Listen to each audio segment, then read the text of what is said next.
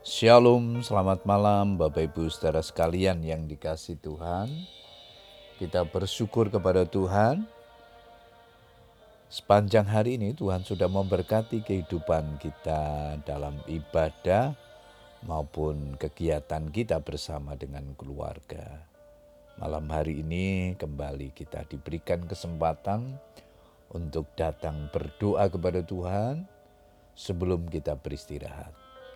Namun sebelum berdoa saya akan membagikan firman Tuhan yang malam ini diberikan tema belajar dari prajurit.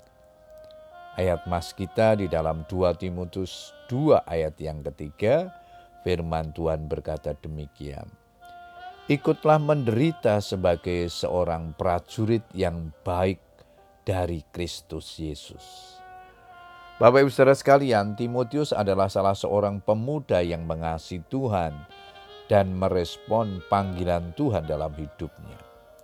Arti nama Timotius adalah memuliakan Tuhan.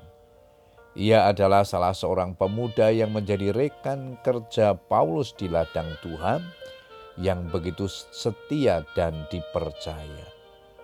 Dalam suratnya Rasul Paulus berusaha untuk memberikan dorongan dan semangat kepada anaknya yang terkasih ini untuk tetap setia dalam mengerjakan panggilan Tuhan sebagai pemberita Injil sekalipun ada banyak kesulitan, kesukaran dan tantangan dari orang-orang yang berusaha untuk menghambat dan menghalangi.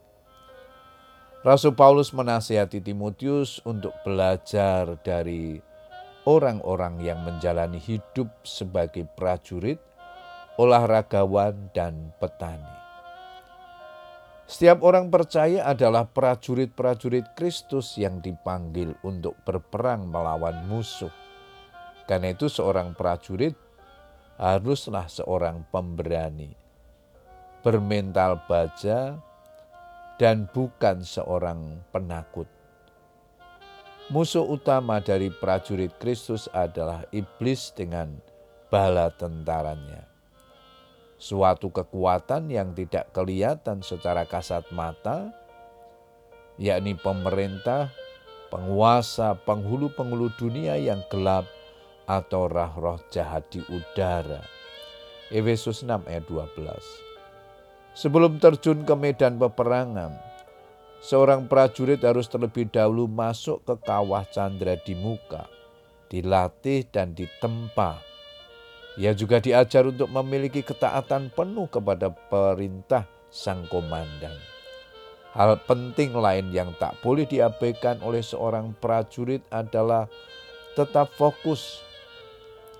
Seorang prajurit yang sedang berjuang tidak memusingkan dirinya dengan soal-soal penghidupannya, supaya dengan demikian ia berkenan kepada komandannya. Orang percaya harus fokus kepada perkara-perkara rohani atau mengutamakan perkara-perkara yang di atas, bukan yang di bumi. Seorang prajurit harus punya komitmen dan integritas yang tinggi supaya ia berkenan kepada komandannya.